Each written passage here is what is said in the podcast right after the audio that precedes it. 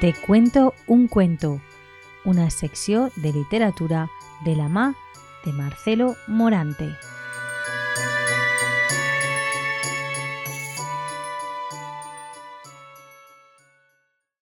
Bienvenidos una semana más al espacio de la Tegua Radio Te cuento un cuento.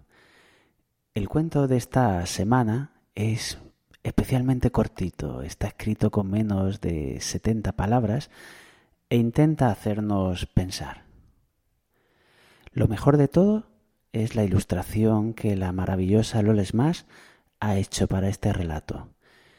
Espero que os guste y como siempre, dulces sueños. Te cuento un cuento. El murciélago Antoine. La otra noche me tropecé por casualidad con el murciélago Antoine aviador de fama mundial y convencido vampiro vegano. Su aspecto distaba mucho de ser el de los mejores tiempos y apoyado en una muleta caminaba muy lentamente.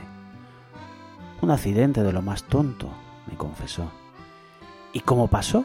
le pregunté sorprendido.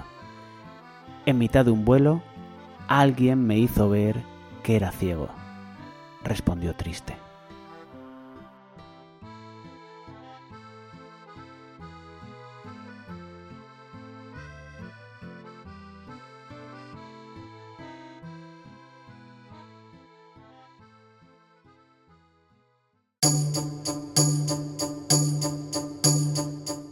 Te cuento un cuento, una secció de literatura de la mà de Marcelo Morante.